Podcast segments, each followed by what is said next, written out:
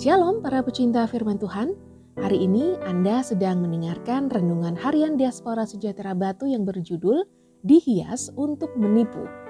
Bacaannya dari Wahyu pasal 17 ayat 3 sampai 7. Dalam roh aku dibawanya ke padang gurun, dan aku melihat seorang perempuan duduk di atas seekor binatang yang merah ungu, yang penuh tertulis dengan nama-nama hujat.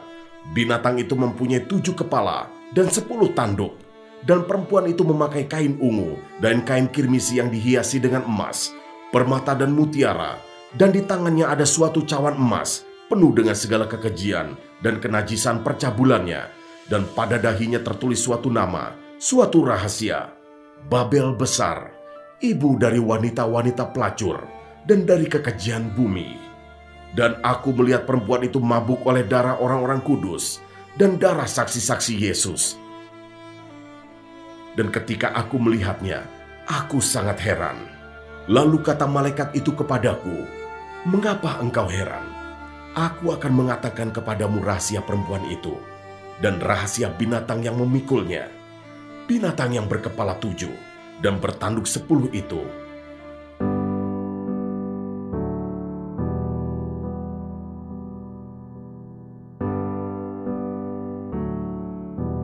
Dan perempuan itu memakai kain ungu dan kain kirmizi yang dihiasi dengan emas, permata dan mutiara, dan di tangannya ada suatu cawan emas penuh dengan segala kekejian dan kenajisan percabulannya.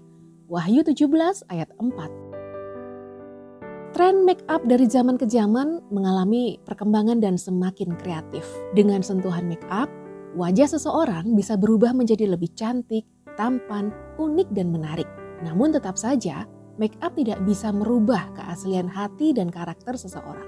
Terkadang, make up dipakai hanya untuk menutupi kekurangan wajah seseorang, dan ada juga orang yang menggunakan make up untuk mencari keuntungan. Dalam bacaan saat ini, Rasul Yohanes diperlihatkan ada perempuan yang berdandan dengan baik, tetapi sebenarnya dia adalah wanita yang memiliki pikiran dan hati yang jahat. Pikirannya selalu dipakai untuk menghancurkan gereja Tuhan.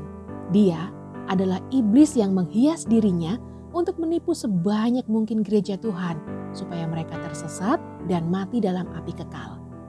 Dalam konteks gereja Tuhan saat ini secara khusus di Indonesia, setan tidak menggunakan kekerasan untuk menekan orang-orang percaya, melainkan menggunakan cara yang lebih halus dengan menipu orang percaya. Orang-orang yang tidak memiliki dasar kekristenan yang kuat dan kepekaan kepada Tuhan akan mudah terkecoh dengan tipu daya setan yang dengan begitu lihainya menghias dirinya seperti domba. Tetapi sebenarnya mereka adalah serigala yang buas. Hendaklah kita selalu waspada dan dapat mengenali tipu daya iblis supaya tidak mudah terkecoh dan disesatkan.